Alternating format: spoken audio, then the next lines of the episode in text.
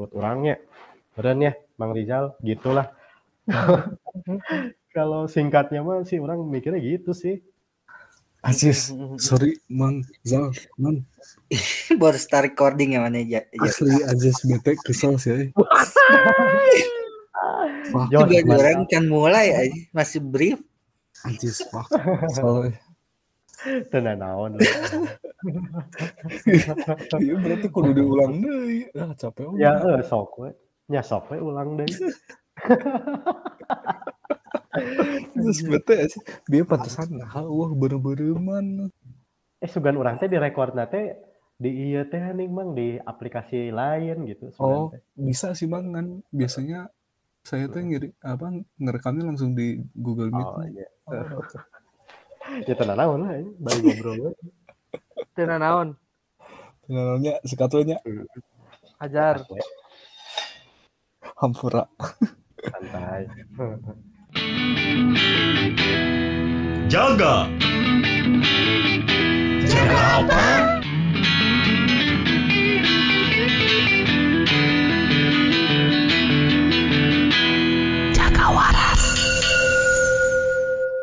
Yo, selamat datang di Jaga Terang episode ke-15.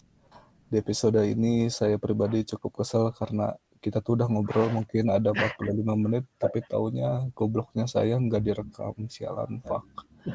Nah sebetulnya 45 menit terakhir itu uh, saya Jeffrey ada Rizal ada Halo.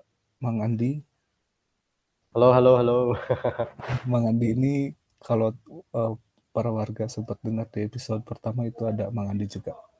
Terus ada Hilman. Halo Man. Ya, sehat.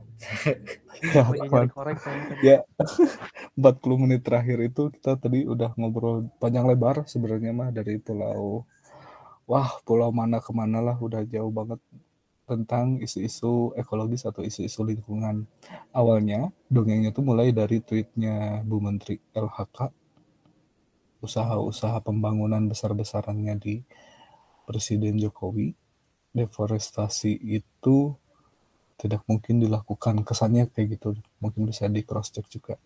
Cuman dari yang pasti dari situ cukup banyak tanggapan-tanggapan misalnya dari Greenpeace yang mempertanyakan cuitannya Bu Menteri di mana Bu Menteri ini seakan-akan membenturkan usaha pembangunan yang ada dengan usaha-usaha menjaga lingkungan misalnya menekan angka deforestasi. Nah itu yang tadi itu udah kita obrolin dan sebetulnya belakangan juga cukup banyak kejadian-kejadian yang menimpa para warga yang di sekitaran, misalnya di Pulau Jawa itu di Jakarta ada beberapa titik banjir, terus di Jawa Timur juga ada sampai menteri apa gitu sempat ambak juga, terus di Sintang juga ada, ya kayaknya cukup lumayan ada beberapa kejadian banjir uh, belakangan ini. Diceritain lagi mungkin emang ya secara briefnya orang hampir gitu ya. Jadi ya biar apa biar apa yang yang ngedengerin juga mungkin bisa bisa kontekstual gitu dengan tweet Bu Siti.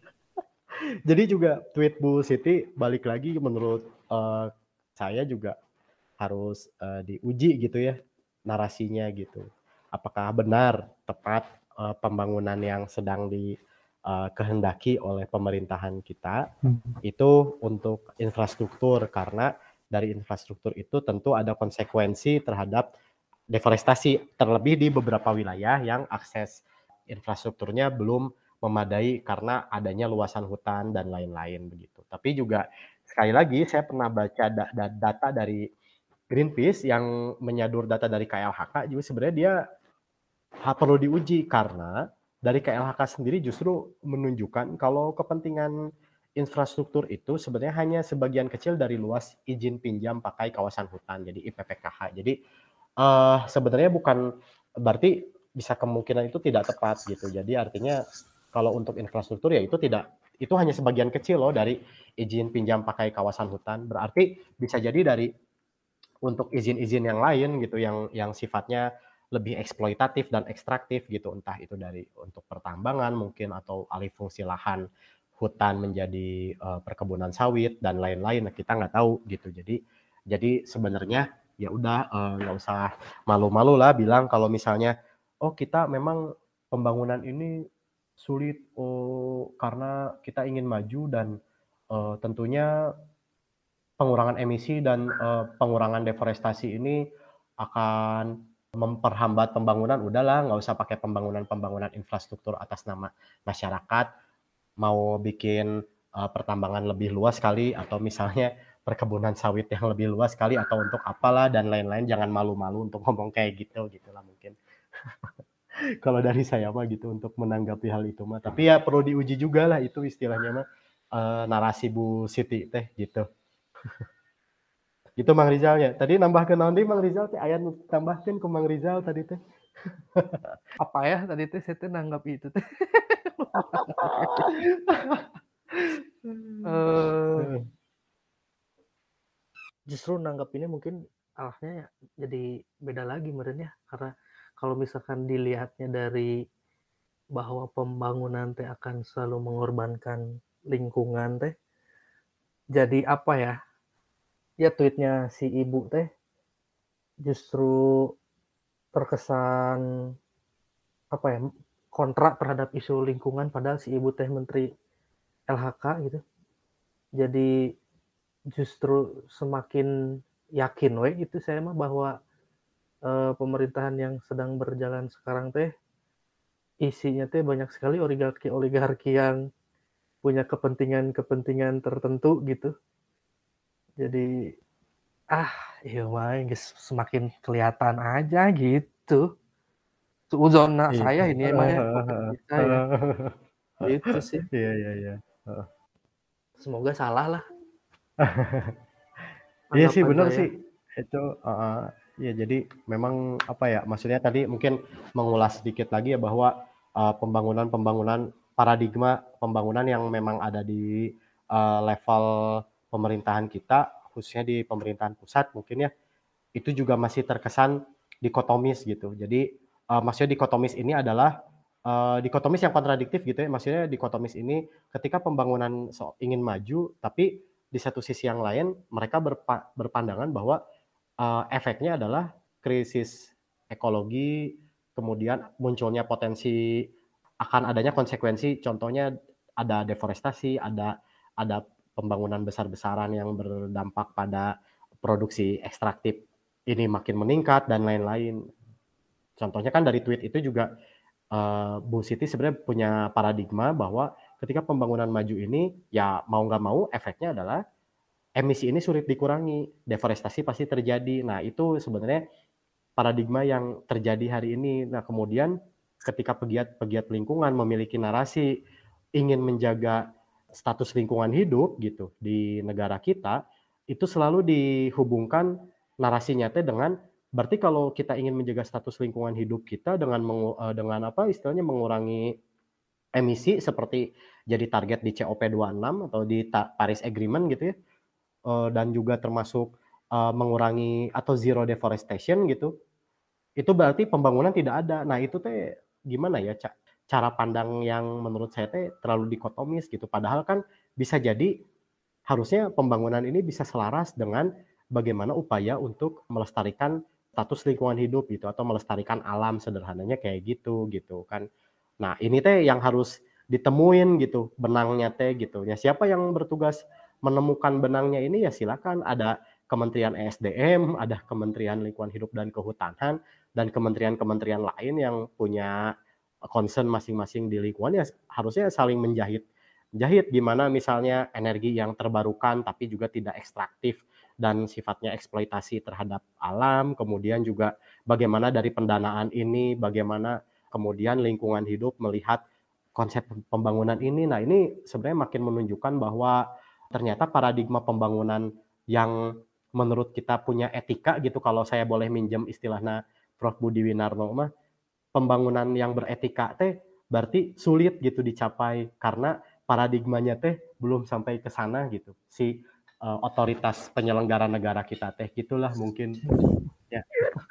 Tapi mungkin nggak sih, eh, Mang Andi, apa yang kita alami misalnya di negara kita gitu, penjualan atau aktivitas ekonomi yang mengandalkan sumber daya alam teh memang masih menjadi komoditas utama gitu.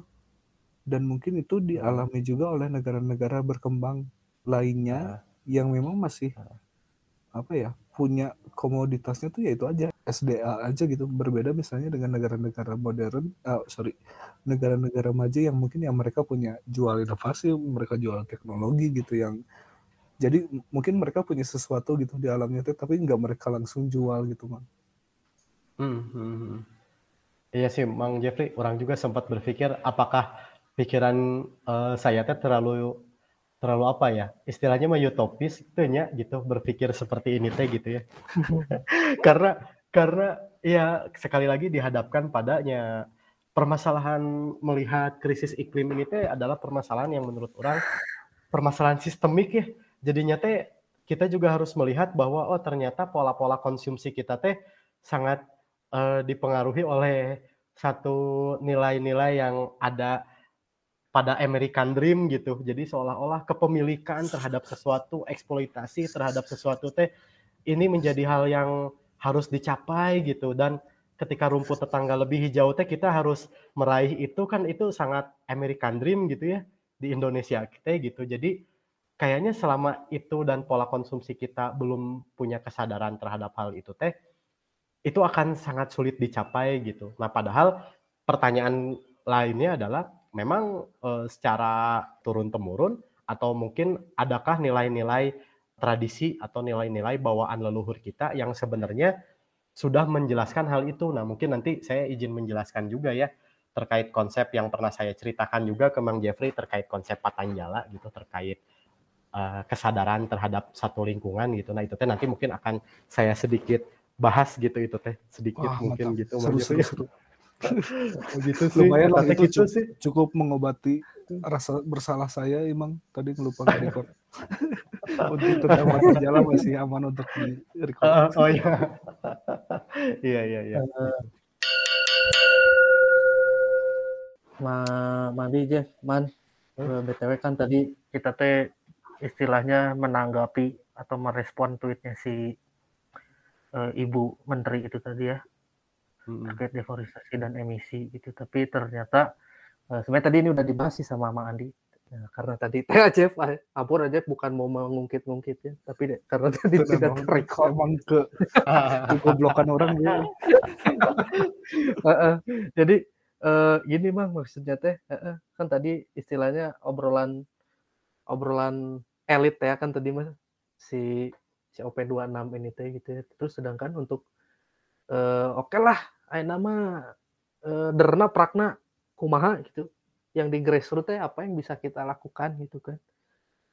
Terus sampai saat ini kalau yang saya tahu gitu ya program-program yang udah ada teh yang berjalan di warga terkait untuk ini sebenarnya jauh dari buka apa tidak spesifik tentang deforestasi tapi mungkin nyambung beren ke emisi mah ya atau dan yang lain-lainnya untuk menjaga si lingkungannya inilah gitu ya dari grassroots yang udah dilakukan teh adalah contohnya kayak bikin biopori terus kayak bikin ekoenzim nah tapi kan si agenda teh besar pisan gitu ya kalau tadi dari eh, obrolan kita sebelum mah. Nah, si hal-hal yang sudah dilakukan si grassroots ini teh kira-kira berdampak nggak sih ya ke isu itu teh? Atau asa atau enggak gitu. Ah, ah. Iya, Kadang saya iya, suka bohong eh, ngaruh teh si Ah. kieu teh. Nah, gitu loh, Mang.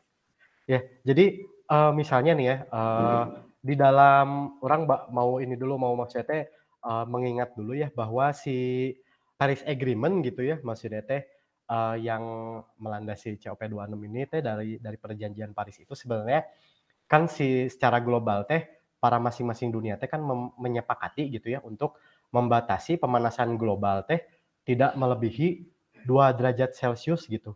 Apa 1,5 jadi 1,5 sampai 2 gitu ya serta meningkatkan pendanaan aksi iklim. Nah, berarti kita teh harus istilahnya kan kalau misalnya bagaimana menurunkan atau mengoperasionalisasikan tujuan besar tadi itu berarti harus menstrukturkan dulu sebenarnya apa-apa saja faktor apa saja yang menyebabkan peningkatan pemanasan global tadi gitu ya sehingga bisa meningkat 2 derajat Celcius dan lain-lain. Ya sepanjang sependek pemahaman yang saya miliki gitu karena saya bergeraknya di sektor uh, pengelolaan sampah berbasis masyarakat, saya belajar bahwa ternyata sektor pengelolaan persampahan juga itu berkontribusi meningkatkan emisi begitu, Bang. Jadinya teh kalau misalnya sampah kita makin banyak di satu kota, berarti kita makin membutuhkan kendaraan yang terus mengirimkan sampah tersebut ke TPA gitu ya, kurang lebih. Sedangkan TPA di Bandung ini tidak memiliki, jadi harus ke Kabupaten Bandung Barat. Berarti dia harus punya hitungan ritasi gitu, berapa kali si truk sampah ini bolak-balik ke Sarimukti yang jauhnya misalnya bisa sampai 30 kilometeran atau 40 kilometeran gitu, bolak-balik dan dia menghabiskan berapa bensin atau bahan bakar gitu untuk ke sana kan itu jadi salah satu faktor emisi juga. Belum lagi karena sifatnya masih open dumping ada gas metan yang dihasilkan di dalam proses TPA tersebut itu juga turut berkontribusi terhadap peningkatan panas gitu ya. Kemudian selain itu juga ada juga yang apa? yang di wilayahnya e, memiliki sampah tapi ditumpuk tidak dikelola dengan baik itu juga sama-sama meningkatkan emisi. Nah, ketika grassroots memiliki salah satu solusi, solusi-solusi di antaranya pengelolaan sampah yang dilakukan terdesentralisasi, artinya tidak me mengandalkan sentralisasi pemerintah daerah untuk uh, mengolah sampahnya, dihabiskan di sumber, dihabiskan di sumber dengan lu bikin lubang biopori, komposter, bata terawang, dan lain-lain untuk mengolah organiknya, artinya si organik itu dicegah untuk membuang gas metan gitu. Kemudian diubah menjadi sumber daya organik. Pada saat sumber daya organik ini diubah, berarti kita tidak butuh untuk membuang sampah organik itu ke TPA gitu loh, Mang. Nah, hmm. kemudian juga plastik misalnya. Plastik ini kan berarti ya ter, uh, saya melihat plastik ini maksudnya sebagai sebuah produk ya, belum ke dalam sebuah proses dari hulu ke hilir gitu. Dari sebuah produk aja plastik yang dihasilkan itu misalnya tidak dibuang ke TPA, tapi untuk yang bisa didaur ulang diserahkan ke bank sampah. Bank sampah memberikan itu ke pengepul, jadi itu teh dicegah tidak sampai ke TPA gitu ya. Yang ke TPA itu hanya residu-residu sampah-sampah yang tidak bisa dihasilkan, eh sorry tidak bisa didaur ulang gitu. Yang kalau kita baca data dari KLHK 2020 itu jumlahnya hanya sekitar 4 sampai 10 persen kalau nggak salah. Yang paling banyak itu organik. Waktu 2015 itu 60, 2020 eh, itu sekarang udah 44. Yang sampah yang berpotensi daur ulang itu di kisaran 45-an ya berarti residu sisanya itu uh, sekitar 10 sampai 15-an berarti ya, kurang lebih seperti itu.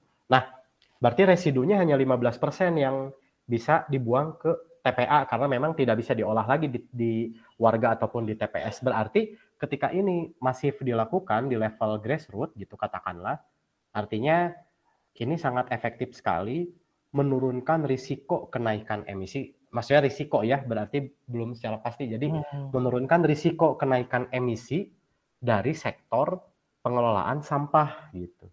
Nah ini teh berarti berpotensi mang gitu menurunkan ketika ini dilak masif hmm. dilakukan gitu. Jadi kalau pertanyaannya apakah ini impactful atau tidak? Oh iya benar ini tuh impactful menurut menurut saya gitu karena Uh, cuman kan balik lagi bahwa uh, level masyarakat ini kan tidak serta merta bisa masif dilakukan ya. Ada ada beberapa tantangan-tantangan lain yang harus selesai juga gitu.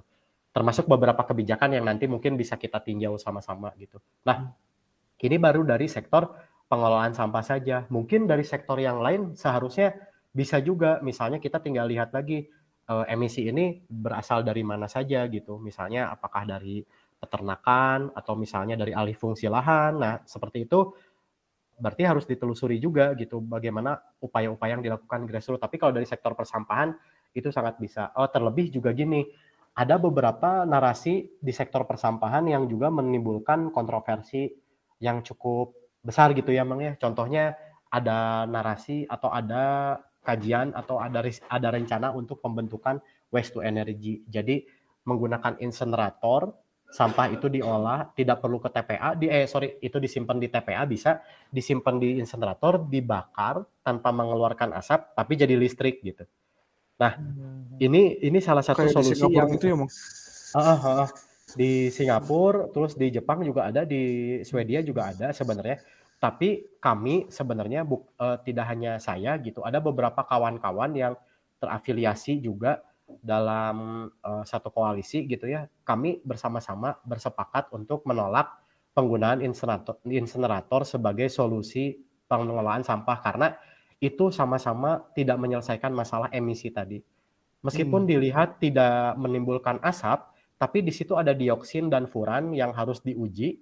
Dia tidak menimbulkan asap berwarna dan berbau, tapi dia dioksin dan furan ini zat-zat yang cukup karsinogenik gitu ya. Bukan cukup ya, emang karsinogenik gitu. Jadi berisiko untuk meningkatkan uh, risiko kanker pada masyarakat yang ada di sekitar wilayah instalasi insinerator tersebut. Nah, kemudian hmm. belum lagi ada jumlah ada ritase yang harus ditempuh. Jadi memang si insinerator ini tidak akan diletakkan dekat dengan masyarakat, tapi di TPA lagi ya artinya sama aja dong. Hmm. Ada pengangkutan sampah yang ke sana bolak-balik dan meningkatkan emisi. Nah, ini ini sebenarnya kadang jadi false solution gitu ya untuk untuk beberapa hal di pengolahan sampah ini. Makanya uh, kami uh, di ada beberapa kajiannya yang dari NGO Gaya ya Global Alliance for Incinerator Alternative gitu. Jadi intinya itu koalisi tolak insinerator secara dari wilayah uh, ASEAN gitu ya, NGO-NGO yang tergabung di ASEAN uh, di Gaya ini menolak untuk uh,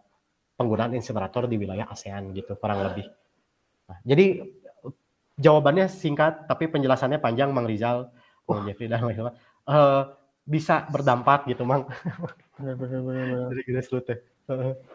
Dan itu lumayan juga ya, Mang ternyata kalau dari uh sampah yang ada nih misalnya sebetulnya uh yang nggak bisa diolah tuh hanya 15% ya Mang tadi. Iya, iya. Uh Itu hanya kan lumayan. Iya, dan itu bener. baru nggak nyangka juga gitu, Mang. Ternyata delapan puluh lima persennya seenggaknya bisa kita olah gitu ya. Betul, betul, Mang. Iya, iya, iya. 60% tuh organik loh, Mang. 2016-2018 itu ya. Organik itu 60% loh. Berarti ada food loss dari kita yang yang kita lakukan gitu. Mhm. Bahan-bahan organik yang hilang di kita tuh jadi sampah itu sebesar segitu loh, Mang. Ya, ya. Kalau food waste memang ya bisa harus diakui memang masih tinggi juga emang ya. Iya, Mang. Uh, gitu. Makanan sisa gitu. Gitu. Bang Rizal tadi kumaha kepotong hampura. Saya cukup tercengang eh. Tapi apa ya? Maksudnya itu kan hal yang kompleks ya untuk bisa dipahami oleh warga juga gitu ya dan iya. di kota Bandung teh eh, saya saya saya lebih tertarik membahas yang dekat dulu nggak apa-apa ya Ya, eh, kan ya baru ini tuh ada perubahan apa alih alih kelola terkait oh. pengurusan sampah di Kota Bandung yang tadinya dari PD hmm. Kebersihan ke UPT BLUD. Eh, BLUD ya? Iya. Uh, oh, kebersihan. Uh, Dinas Kebersihan gitu. Nah, yeah. hmm. kayaknya itu teh momen yang tepat juga nggak sih buat kita apa ya istilahnya ya bikin bikin selain tadi penggunaan biopori terus uh, ekoenzim dan lain-lainnya tapi untuk untuk bisa restrukturisasi si regulasi terkait si sampah ini teh sekalian we gitu merenya kayak bikin yeah. jadwal buang sampah ini buang sampah besar ke sini yeah. bayar segini ini maksudnya diregulasi bener-bener kayak di kalau saya pernah lihat video di Jepang gitu dia uh. bisa satu satu desa apa satu kecamatan atau entah apa gitu dia bisa zero waste gitu kan mm-hmm. wah uh, oh jauh pisan sih zero waste mah ya iya iya uh. jadi maksudnya kayaknya bisa meren Bang Andi ya mengarah ya, ke sana harus. gitu sekarang tuh gitu ah, iya kalau jujur untuk kalau untuk gitu, itu uh, uh. ya kalau untuk regulasi memang sebenarnya kecenderungan di pem, di Pemda Bandung mah cepat ya. Hmm. uh, dari sebenarnya kan dasar hukum persampahan ini atau dasar hukum pengelolaan sampah yang uh, yang uh, istilahnya yang berdampak ini kan dan ramah lingkungan ini kan dasarnya dari Undang-Undang Nomor 18 sih, Undang-Undang 18 tahun 2008 tentang pengelolaan sampah karena waktu itu ada terjadi ledakan sampah di Lewi Gajah gitu nyamangnya. Ya. Longsor gitu. Nah, kemudian itu tahun 2005 kalau nggak salah. Kemudian setelah itu pemerintah kemudian um, memunculkan UU nomor 18 tadi tahun 2008 tentang pengolahan sampah Dan itu menjelaskan bahwa konsep pengurangan, pemilahan, dan pemanfaatan sampah ini sudah dijelaskan di woro-woro dari tahun 2008 gitu, Mas. Cara regulasi gitu ya. Tapi masalahnya kadang-kadang uh, regulasinya ada, instrumen kebijakannya teh ada, tapi kadang-kadang yang menjadi tantangan di sini adalah bagaimana sebenarnya pengimplementasian uh, kebijakan tersebut gitu, Mang.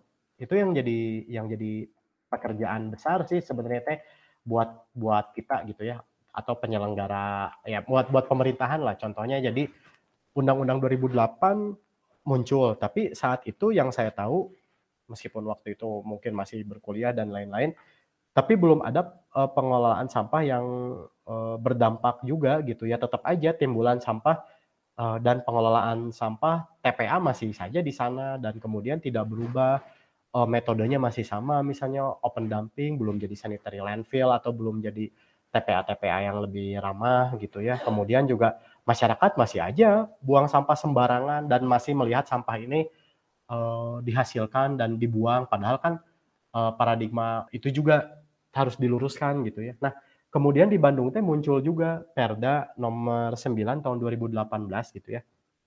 Tentang pengelolaan sampah. Nah, di situ makin menegaskan lagi bahwa Kang Pisman atau program pengurangan pemisahan dan pemanfaatan ini menjadi hal yang harus dilakukan di Kota Bandung gitu. Belum lagi sebelumnya ada Perda juga tahun 2011, saya lupa nomornya tapi itu untuk pengurangan uh, sampah plastik gitu. Jadi sebenarnya secara instrumen kebijakan ya Kota Bandung teh cukup inilah cukup adaptif gitu ya untuk merespon hal-hal ini gitu. Tapi kembali lagi kalau karena saya kebetulan bergerak juga di lapangan, kadang-kadang instrumen uh, instrumen kebijakannya ada, tapi penegakannya teh nggak ada gitu. Nah, hmm, yang hmm, terbaru hmm. misalnya ada uh, misalnya program Kang Pisman gitu ya.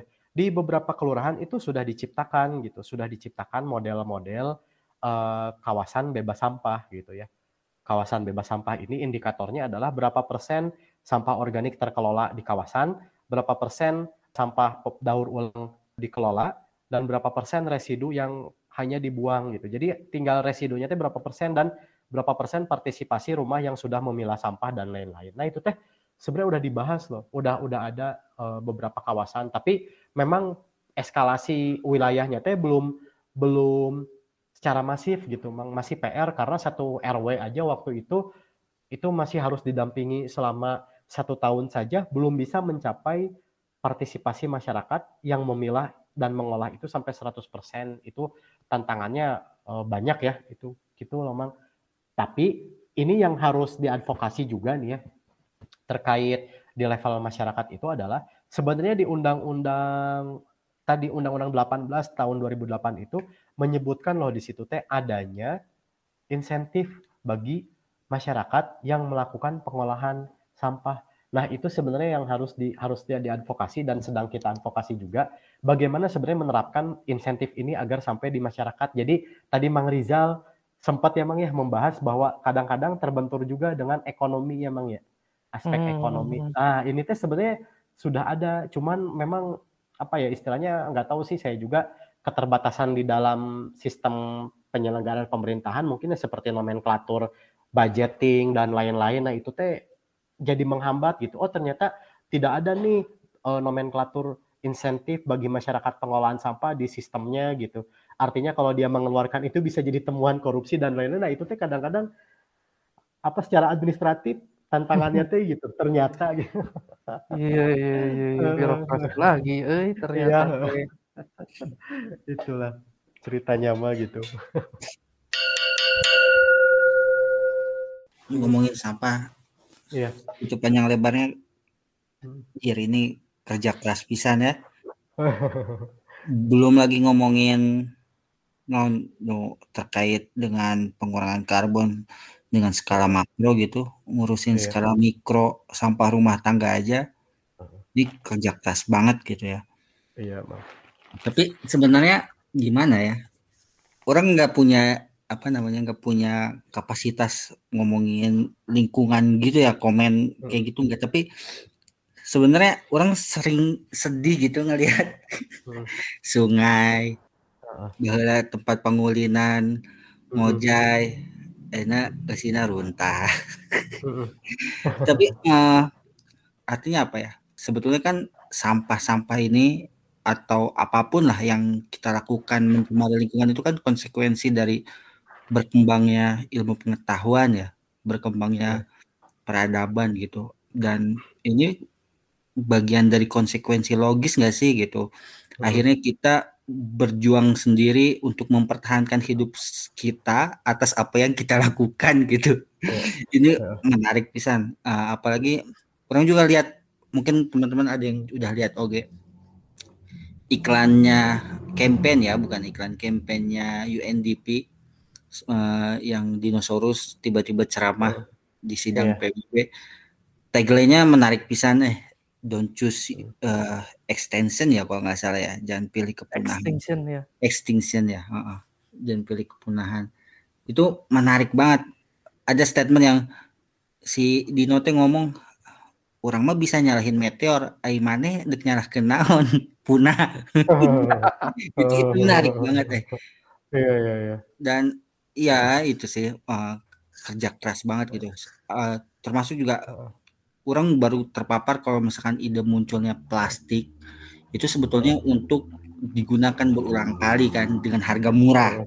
Itu sisi ekonomi tadinya iya. mau menyelamatkan dunia supaya murah, tapi justru itu jadi justru karena murah kita jadi mencemari lingkungan. Akhirnya dijual mahal, alasannya murah. gitu sih isu-isu isu apa lingkungan ini memang selalu menarik karena selalu orang setuju sama Mang Andi soal uh, seolah-olah terdikotomi bahwa lamun orang milih lingkungan, orang tidak hmm. pro kemajuan eh gitu. Hmm. Kalau pro kemajuan, konsekuensi logisnya adalah lingkungan. Nah, sebetulnya orang jadi berpikir idealnya seperti apa sih sementara kan sebetulnya orang berpikirnya uh, dengan keterbatasan orang ya. Ketika kita masih memilih pola kehidupan yang orientasinya materialistis tanda kutip ya akan selalu begitu gitu kita akan selalu berhadapan dengan isu lingkungan uh, terbukti dengan uh, misalkan kelompok-kelompok indigenes yang memilih untuk membatasi diri dengan ke kemajuan zaman misalkan. Orang yakin dalam skala mikro mereka tidak berhadapan dengan isu lingkungan Baduy misalkan. Justru mereka terdampak oleh kita yang memilih jalur itu gitu. Nah sebetulnya jalan kita yang memilih jalan kita gitu sebetulnya ya. Sehingga sebetulnya solusi-solusi itu kita ada di posisi saat ini adalah pilihan kita sih gitu. Sehingga makanya uh, sampai terjadi seperti ini gitu. Kalau misalkan kita memilih untuk tidak memilih uh, jalan kemajuan, ya mungkin kita masih bisa bertahan hidup atau minimal usia kita masih panjang lah. usia bumi kita masih panjang dengan cara hidup itu. Itu sih komen komen orang aja sih. Orang berpikir eh, ini kerja keras banget anjir. iya iya bang. Ini menarik sih, bener uh, tadi emang Hilman ya tadi bilang bahwa sebenarnya ini konsekuensi logis Iya bener sih, bener eta konsekuensi logis.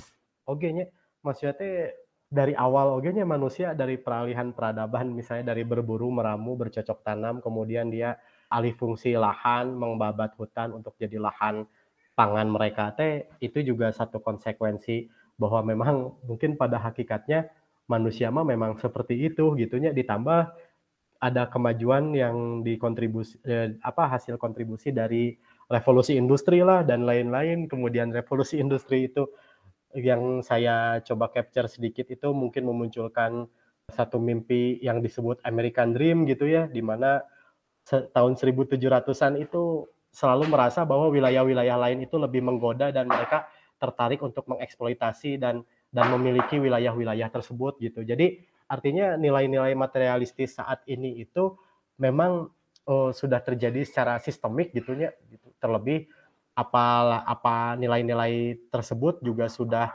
diinternalisasi ke dalam diri kita bukan lagi menjadi satu nilai yang material aja gitu tapi lebih kepada nilai-nilai yang tujuannya spiritual juga. Misalnya berdoa untuk mendapatkan uh, rezeki atau mobil dan lain-lain. Dan itu kan yang nggak salah sih tapi artinya itu sudah terinternalisasi. Tidak hanya material ternyata oh anjir sampai spiritual. Oh gini ternyata kalau kita renungi mah gitu ya ya memang itu konsekuensi logis ya dari dari dari peradaban manusia yang ada saat ini.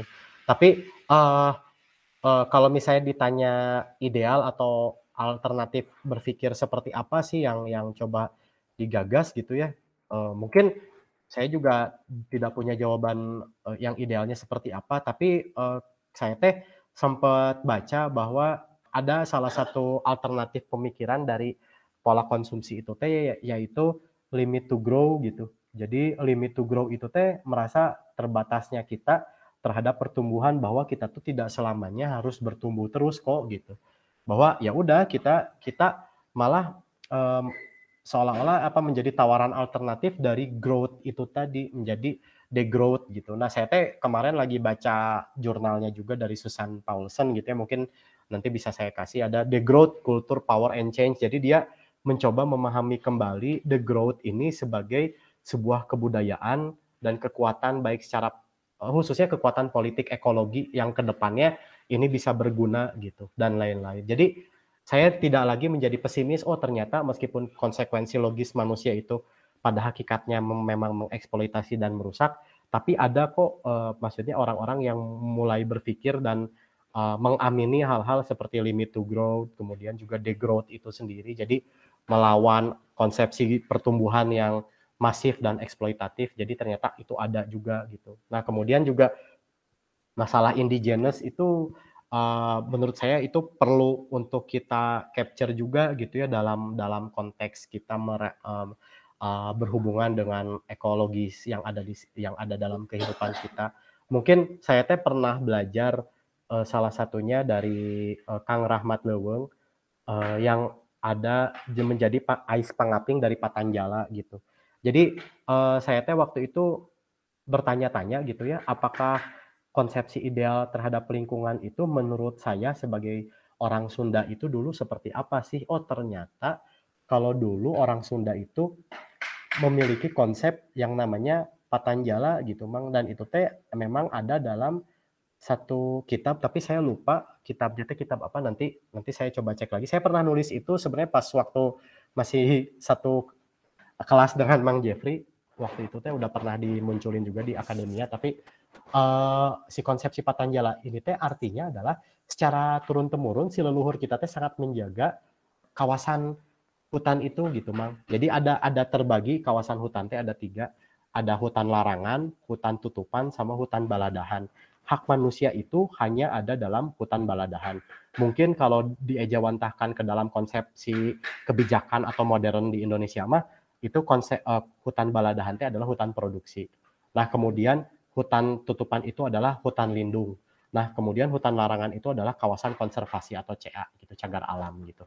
Nah, itu teh sebenarnya udah diterjemahkan ke dalam kebijakan kita, tapi kan tidak konsisten gitu ya. Kadang hutan lindung diturunkan statusnya. Kadang yang sekarang terjadi cagar alam itu diturunkan statusnya menjadi taman nasional atau misalnya jadi hutan lindung yang bisa dipakai produksi kayu dan lain-lain. Padahal sebenarnya secara konsepsi kawasan tadi manusia itu hanya punya hak di hutan produksi saja atau kawasan baladahan.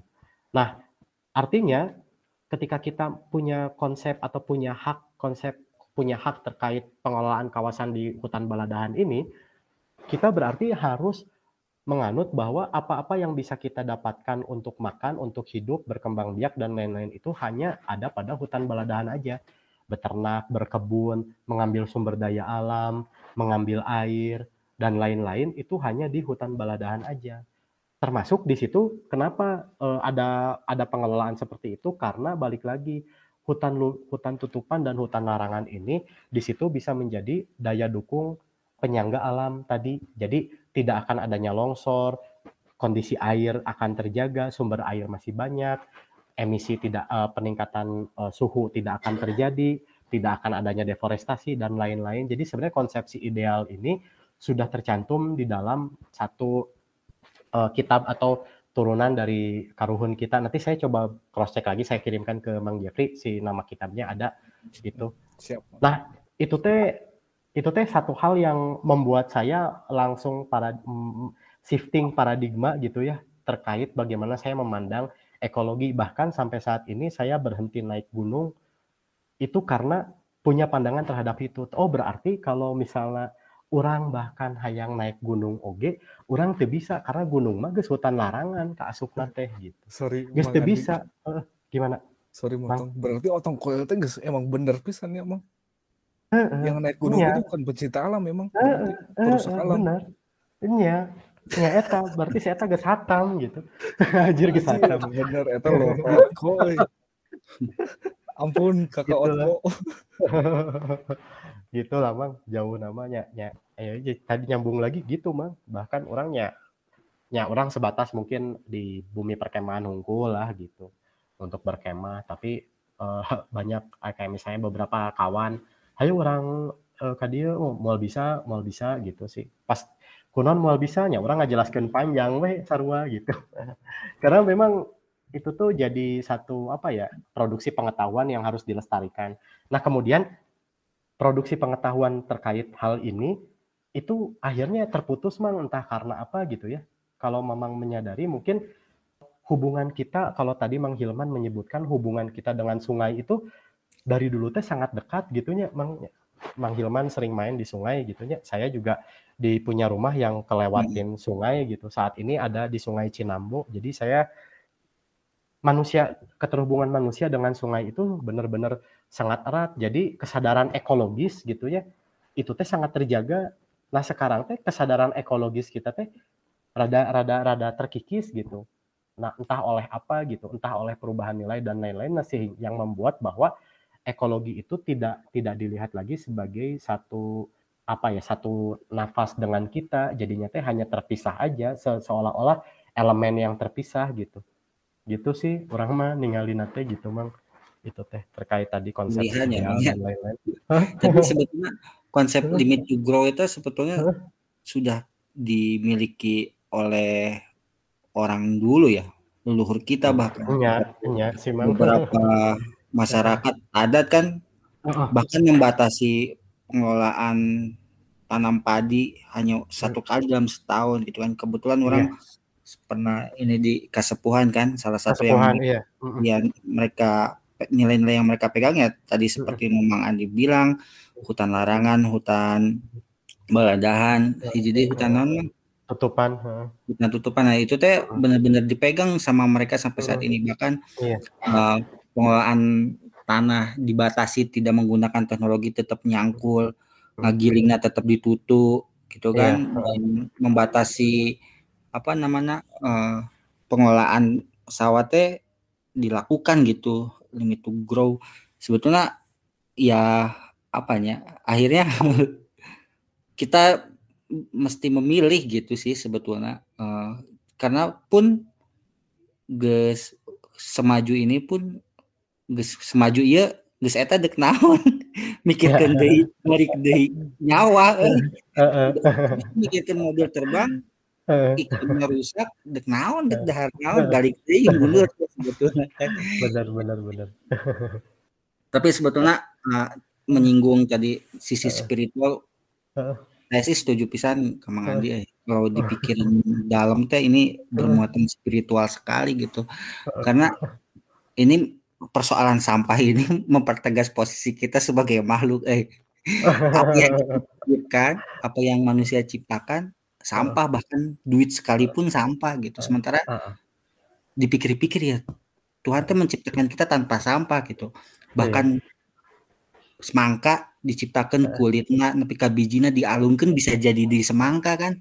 Iya benar emang. sangat tidak coba kita manusia mati nggak ada yang tertinggal satupun kan. Bahkan tulang lenyap sama tanah. Itu sih orang setna ke sana sih Jadi Mang Andi setelah episode 1 teh kita kemarin pengen coba apa ya bikin pola dari hasil diskusi kita gitu. Jadi terkait apa dan bagaimana isu yang kita bahas, kita teh pengen juga memberikan solusi nano atas permasalahan yang kita bahas gitu. Kira-kira kita sebagai warga gitu ya untuk bisa ikut serta dalam pemecahan masalah merenya dari yang apa kita obrolin har- malam ini teh kira-kira teh apa sih gitu Bu, eh, lu praktis mah sebenarnya gini mang Eh, coba we lamun misalkan ada sisa makanan gitunya, ada sisa makanan, sampah-sampah organik gitu, mulai uh, masukin we ke pekarangan. Kalau misalnya ada pekarangan, tinggal disimpan we di tanahna gitu. Ngasih hmm. makan ke tanah lah, ngasih makan ke ayam atau misalnya organisme-organisme lain yang ada di situ gitu. Nah itu kalau yang sampah organik. Tapi kalau yang nggak punya uh, pekarangan gitu, ya bisa bikin lubang biopori atau misalnya bikin pot atau biopot gitunya. Jadi saya teh pernah ada pelatihan teh sehingga pot pot kita pot pot plastik pot apa pun itu pot bekas ember cat gitu nah non pot di situ ditaro kemudian dikasih tanah dikasih media tanam ya udah we di situ terus jadi kalau ada sampah organik sesate ya ke, ke sanain gitu. Nah terus kalau misalnya ada sampah-sampah sisa konsumsi kita yang bukan organik yang masih bisa didaur ulang biasanya saya masuk dipisahkan gitu. Misalkan sisa plastik uh, air mineral gitu ya botol plastik air mineral yang sekali pakai dan lain-lain atau dus dus atau koran dan lain-lain itu suka dipisahin di dikeresekan atau di ya diwadahin plastik gitu nanti teh kan ada petugas sampah teh udah we kasih gitu kan mereka teh suka ngarah nah gitu untuk dijual lagi untuk dimanfaatin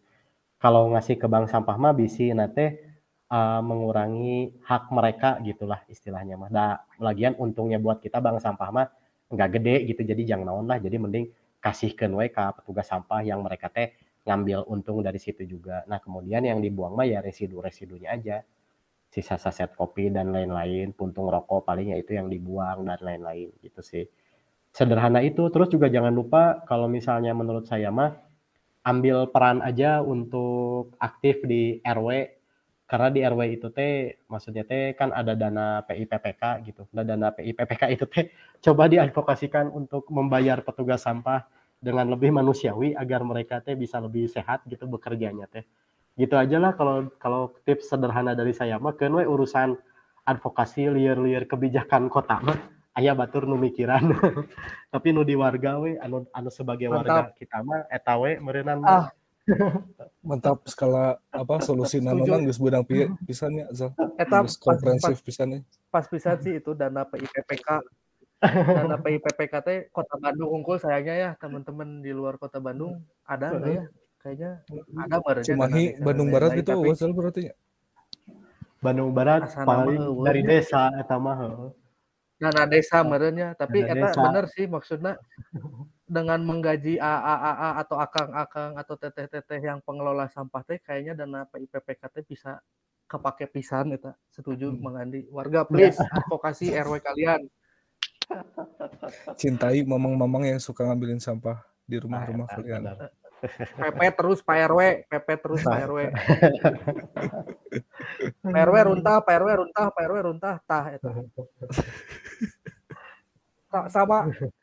Nah, uh, kalau untuk Hilman man, si Hilman kayaknya punya punya langkah praktis tersendiri eh terkait ini eh. Terlebih sebagai seorang bapak. Sebenarnya sempat ngobrol-ngobrol juga nih yang justru orang bah, malah membayar untuk kerusakan lingkungan orang pribadi nih. Coba sebenarnya, share, Man. Iya. Orang apa ya?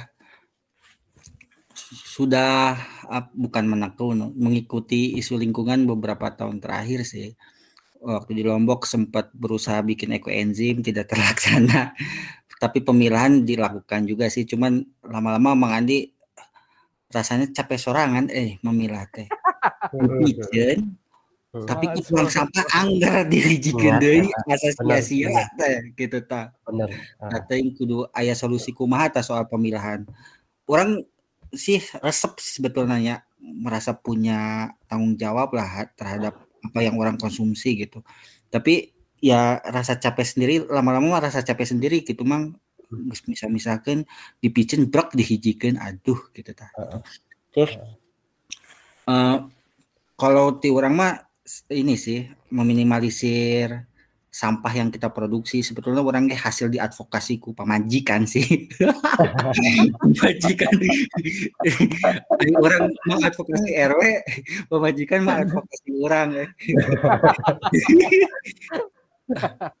Non sejak anak pertama lahir orang sudah komitmen sih tidak menggunakan pospak ya jadi pakainya yang berkali-kali bisa di, dicuci gitu pakai klodi lah. Keren, eh. karena ternyata sebetulnya sama aja gitu naon bedana nyeseh nyeseh baju ngumbah baju nyeseh baju jeung nyeseh klodi sarua wae sebetulnya di sisi-sisi oge sakali prek gitu kan nggak ada bedanya. Dan keribetan itu ketika kita adaptasikan bisa kok struggle. Dan alhamdulillah sampai sekarang budak orang lepas popok gitu ya lepas klodi belum pernah eh, beli pospak gitu sekali buang alhamdulillah itu pencapaian pisan euy hasil advokasi pendidikan Keren, eh. eta. Berhasil eta.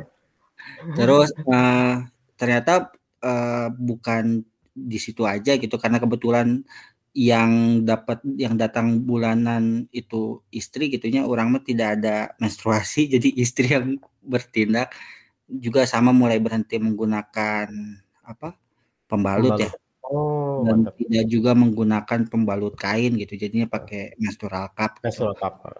Ya dan Keren. itu ternyata secara ekonomi pun sangat ekonomis anjir satu menstrual cup sekali beli tiga ratus ribu seumur hidup bisa dipakai kecuali leungit